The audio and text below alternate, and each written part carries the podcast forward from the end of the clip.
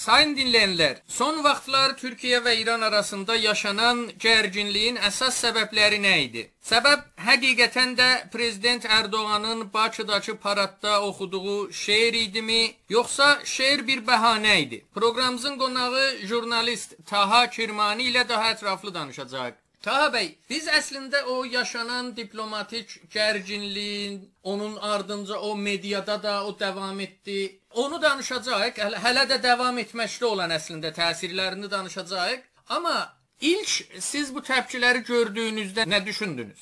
Həqiqətən İranın son 2-ci Qarabağ savaşındakı karnaməsinə baxdığımızda ciddi bir başarısızlığın olduğunu deyə bilərik. Bu başarısızlıq həm İran kamuoyu nəzdində görülürdü, həm də eşikdən baxanda İranı bir utuzmuş kimi qeyd eləyirdilər. İran utuzmuş rolunu üstləndiyi zaman udan tərəflərə baxdığımızda davanın tərəfləri Azərbaycan və Ermənistanın yanı sıra baxdığımızda da Türkiyə Cümhuriyyəti məntəqədə və əsasən 2-ci Qarabağ savaşında bir e, başaran, bir qazanan tərəf olaraq qeyd edilirdi və İran və Türkiyənin rəqabətlərini düşündüyümüzdə sanki e, Türkiyə Cümhuriyyəti İrana qarşı bir aydın zəfər əldə eləmişdi kimi bir mənzərə var idi. Bu əslində həm eşikdən baxdığımızda, həm İran bünyəsində Məsələ belə görülürdü və İranın Türkiyəyə qarşı bir yenilgisi kimi yorumlanırdı. Ona görə hər halükarda İranın Türkiyədən rahatsız olduğunu bilirdik. Amma bu rahatsızlıq nə zaman necə dilə gətiriləcəkdi, o özünü göstərəcəkdi, yoxsa altdan davam eləyəcəkdi? Bu e, kəsin beynində olan bir soru idi. Nəzərə gələn bu şeir krizi İran kamuoyunun e, sıxışmış o etiraz qazını boşaltmağa yönəlik İranın bir girişimiydi. Taha bəy, İranda bəzi milliyyətçi qruplar, xüsusilə də siz dediniz elə Qarabağ müharibəsi günlərindən başlayaraq ondan öncə də Yəni mütəmadi şəkildə İran hökumətindən nədən Türkiyəyə təpki verilmir, fərqli mövzularda nədən Azərbaycana təpki verilmir deyə şikayət edirdilər. Hətta biz bir müddət əvvəl İranın Azərbaycandakı səfiri Seyid Abbas Musəvinin bir İranlı jurnalistlə Twitterdə türkcə yazışmaları belə ciddi bir kriz halına gəlmişdi. O jurnalist o türkcə yazışmasını silmək məcburiyyətində qaldı. Yəni orada bəzi milli duyğuları cəlb etmək, yatışdırmaq üçün idimi bu təpkilər? Mən belə düşünürəm ki, İranın vermiş olduğu təpki təkcə e, kamuoyunun, millətin və yaxud e, xassa e, fars milliyyətçilərinin etirazını yatışdırmağa yönəlik bir çaba deyildi. Bu əsasən bunun köklərini İranın diplomasi dəstgahında axtarmaq lazımdır. Diqqət eləmək lazımdır. Xarici İşlər vəziri e, Məhəmməd Cavad Zərifin ilə e, atdığı tweetdə Güney Qafqaziya, müşəxxəsən Azərbaycan Cümhuriyyətini İranın və dırnaq arası böyük İranın bir parçası kimi qeyd edir. Bu məsələni biz dəfələrcə bir çox üst düzey İranlı yetkilidən eşitmişik. Yəni əsasən İranın e, Güney Qafqaziyaya və özəlliklə Azərbaycana baxış açısı e, məndən ayrılan bir parça kimi görürlər. Yəni o İranın zaman-zaman mərzi fərhəngi və yaxud mədəniyyət sınırları adlandırdığı bu e, baxış açısı nə qədər fars milliyyətçiliyinin İranın özəlliklə diplomasi mexanizmində dərin yerə sahib olduğunu göstərir. Bu eleştirini, bu baxış açısını nəqd eləyən ayrı siyasətçilər də görmüşük. Məsəl üçün Şərqi Azərbaycan sabiq e, ustandarı və eyni zamanda da e, Sipahın generalı hal-hazırda Təbriz nümayəndəsi, millət vəkili e, Əhməd Əli Rizabeyci də e, bir e, Qarabağ məsələsi savaşının ortasında kəsinliklə Fars milliyyətçiliyinin və müşəxxəsən İran şəhri düşüncəsinin İranın Xarici İşlər Vizarətxanasının bünyəsində ciddi nüfuza sahib olduğunu demişdi. Əli Rza Beyci təkcə bu nüfuzu e, Qarabağ məsələsinə məhdud görmürdü və öz ustandarlıq zamanından misal üçün Türkiyədə bir e, səfərindən bir anı paylaşır və nə qədər Fars milliyyətçiliyinin İranın əsasən xarici siyasətinin baxışını e, şəkilləndirən bir e, çərçivə olaraq ondan yad eləyir.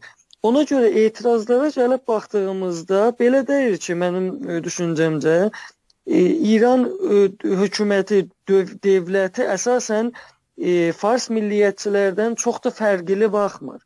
Yəni olan etirazları əsasən bu e, öz baxış açısından haqlı bulur və o haqlı etirazlara e, biraz da e, bu tip e, tepki göstərməsi ilə əslində haqq verdiyini də biz görürük. Tabii bəy, o təpkilərdən sonra haradasa daha öncədən planlanmış kimi ilk səhv səhifələrində qəzet, qəzetlərin gördük Türkiyəyə qarşı, Türkiyənin prezidenti Rəcəb Tayyib Ərdoğana qarşı başlıqları gördük. İran mediasının ondan sonrakı günlərdə hələ də davam edir əslində. Ümumiyyətlə ne necə dəyərləndirdiniz? Orada planlanmış bir hə hərəkət var idimi? Bilirsiniz, e, əsasən İranda e, Türkiyəyə qarşı bir e, etirazın səfərbər olmasına çox böyük bir hazırlığa ehtiyac yoxdur. Biz bunu e, qabaqcan e, bənzər olaylarda da görmüşük. Yəni İranı heç ilgiləndirməyən bəzən olaylarda belə, misal üçün görürük ki, Mediteranədə e, yaşanan məsələlər e, Türkiyə ilə Yunanistan arasındakı e, mültəci sorununda belə İrandakı fars milliyyətçilər e, Türkiyə qarşıtı nifrət söyləmini bazı tolit eləyə bilirlər, təkrarlaya bilirlər. Ona görə bu məsələdə e, mən belə düşünmürəm ki, bu e, şehir krizində güya ki İran hökuməti e, bu səfərbərliyin e, başlamasına özəl bir e, çaba göstərdi. Bu zaten Türkiyə qarşıtı e, hərəkətlər hər zaman olmuşdur. Misal üçün başqa bir örnək vermək olar. Qarabağ məsələsində Azərbaycan Cümhuriyyətinə e, ən azından siyasi çox ciddi dəstək verən e, Türkiyənin yanı sıra Türkiyə qədər olmasa da misal üçün Pakistan Cümhuriyyəti də var. Amma biz heç bir zaman İranda görmürük ki, Pakistana qarşı hər hansı bir olumsuz tepki olsun. Yəni demək istədiyim o biraz da əslində Fars milliyyətçiliyinin özü və fəlsəfəsindən asılıdır. Fars milliyyətçiliyi biz bilirik ki, türk və ərəb qarşıtlığı ilə biraz da öz mahiyyətini ayaqda durmağa e, çalışır, e, özünü tərif eləyir Ona görə söz konusu Türkiyə olanda Türkiyə hücum eləməyi öz varlığı kimi tanımlayır və bu zamanlarda Türkiyənin yoxluğunu öz güclüyü və öz varoluşu tanımlayıb və belə özündən e, olaylar, təpkilər görsədir. Anti-Türkiyə çıxışların deyirsiniz, hər zaman İran e, siyasi mühitində müştəriləri var deyirsiniz. Hər zaman qarşılığı vardı və Taha bəy, siz sosial mediada qarşılaşdırmışdınız Tehranda yayılan qəzetlərlə Təbrizdə və ya İran, Azərbaycanın digər şəhərlərində yayılan qəzetlərin başlıqlarını qarşılaşdırmışdınız. Tehrandakılar hamısı tək səsli olaraq Türkiyəyə qarşı bir başlıq atmışdılar, amma bu İran, Azərbaycanın da yayımlananlarda yox idi. Bu önəmlimi? Necə dəyərləndirirsiniz? Bakın kesinlikle önemlidir. İran'da biz bilirik ki çok ciddi bir Türk nüfus var ve bu Türk nüfusun e, merkezi yönetime, merkezi hükümete olan narazılığı birçok sebepten dolayı təkcə e, bu e, özgürlük məsələsi ilə ilgili deyil, təkcə bireysel azadlıqlarla ilgili də deyil. E, son illərdə gərək iqtisadi narazılıqlardan ciddi bir məmnuniyyətsizliyin çoxaldığını görürük. Yəni hər nə səbəbdən olursa olsun, mərkəzdən qopan türk milləti, türk e, xalqının etirazları və duyğuları hər an bir təhacümi hal ala bilir. Özəlliklə vaxtı mərkəzdən e, gələn görüntü, mərkəzdən e, ucalan səs daha çox fars milliyyətçiliyi e, dialoqu kanalı ilə gəlir e, və fars milliyyətçiliyinin istər-istəməz e, türkə qarşı bir nəfrət söyləmi gəlişir. Bu e, çox doğal və təbii məsələdir ki, Azərbaycanda özəlliklə İran türkləri arasında e, o mizanda, o qədər də türk milliyyətçiliyi arta.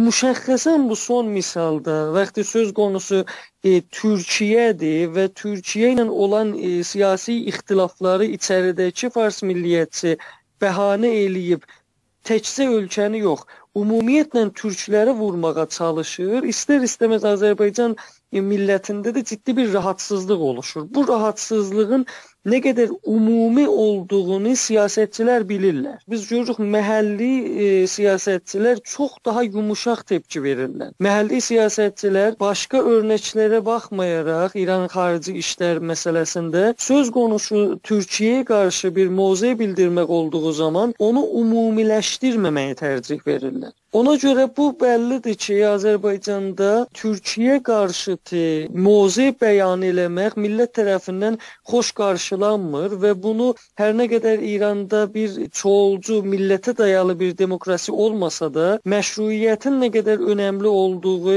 inkar edilməz bir haldır. Ona görə Azərbaycanın bu məsələdəki həssasiyyətləri yöneticilər tərəfindən özəlliklə yerel yöneticiler tərəfindən son derece diqqətə alınır ki, bu Qarabağ e, savaşı süreci boyunda biz bunu görmüşdük. Azərbaycan Şərqi Azərbaycan, Qərbi Azərbaycan ustandarı valilərin açıqlamaları ilə Tehrandakıların açıqlamalarının arasında ciddi bir fərq var idi. Taha bəy, siz İrandakı anti-Türkiyə baxışa işarə eləyirsiniz. Biraz da Türkiyədə İrana olan baxışı, indi mediada, siyasətdə Bu son təpkinin təsirləri ümumiyyətlə necə dəyərləndirirsiniz? Baxın, Türkiyə məsələsi, e, Türkiyənin İrana olan baxış açısı e, heç bir zaman İrandan gələn tepkilər ilə qiyas edilə biləcək dərəcədə olmayıbdı. Bunun bir çox səbəbi vardı, amma Əsas səbəbi mənə görə Türkiyədəki İran oxumalarından, İrana olan e, baxışdan asılıdır. Birinci dərəcə baxmayaq ki, İran və Türkiyə qonşudur, amma nə yazıq ki, Türkiyədəki İran oxumaları gerçək bilgi əsasına yox, rəsmi bilgi əsasına olub. Yəni İrandan gələn istər dövlət olsun, istər e, müxalifət ki, çoxunluqla fars milliyyətçilərinin inhisarındadır, rəsmi qəraəti e, varsayıb o cür İranı tanımağa çalışıblar. O da təbiidir ki, e, İranda e, fars milliyyətçiliyi əsasında bir tarix oxuması, tarix yazması gerçəkləşdiyinə görə Türkiyədə sağlıqlı və gerçəkçi bir İran bilgisi mövcud deyil. Bu səbəb olubdur ki, əsasən İrandan gələn məsələlər burada olduğu kimi dəyərləndirilə bilməsin. Bu bir məsələdir. İkinci məsələ Türkiyə özəlliklə xarici işlər məsələsində son illər xaric baxdığımızda Cümhuriyyətin quruluşundan etibarən bir batıya yönəlik bir baxış vardı. Ona görə əsasən İranla çox da ilgilənmirlər. İndi bunların hamısı bir tərəfdə. İkinci İranın hər zaman özəllik İran inqilabından sonra, İslam inqilabından sonra İranın Türkiyədə çox ciddi bir networku var. Bu networku çeşidlidir. Yəni misal üçün bizim təxmin eləyə biləcəyimiz təkcə məzhəbsəl açıdan özünə yaxın gördüyü ideolojik e, hüfrələr deyil. İran çox e, çeşidli bir networkə sahibdir Türkiyədə və Türkiyənin olan özgürlükləri maksimum dəyərləndirib özünə burada alan aça bilir. O alan kriz zamanlarında İrandan gələn mesajları burada yumuşatmağa və İranın mətlubu kimi oxumağa çox yardımcı olurlar. Biz misal üçün görürük ki, Türkiyədə hər anlamda, hər alanda İranı eleştirmək e, bir tabu sayılır və çox-çox çətindir.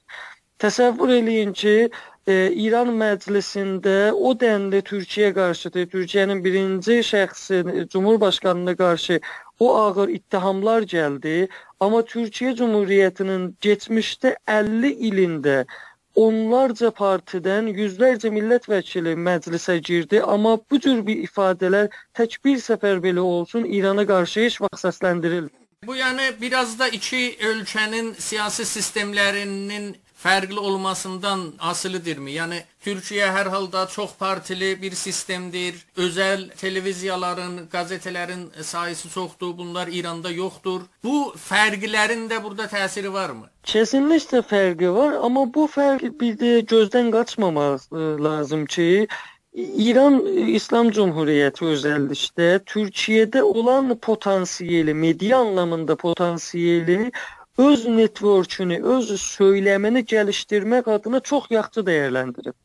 Yəni e, bu heç gizli saxlı bir bilgi deyil ki, İranın rəsmi dialoqundan e, danışan, söyləm gəlişdirən, e, İran Türkiyədə fəaliyyət göstərən e, bir çox e, media vardı, bir çox yayın orqanı vardı, bir çox e, dərnək vardı. Ona görə e, İran e, Türkiyə ilə qarşı propaganda savaşını Tehrandan yox, İstanbuldan başlayır.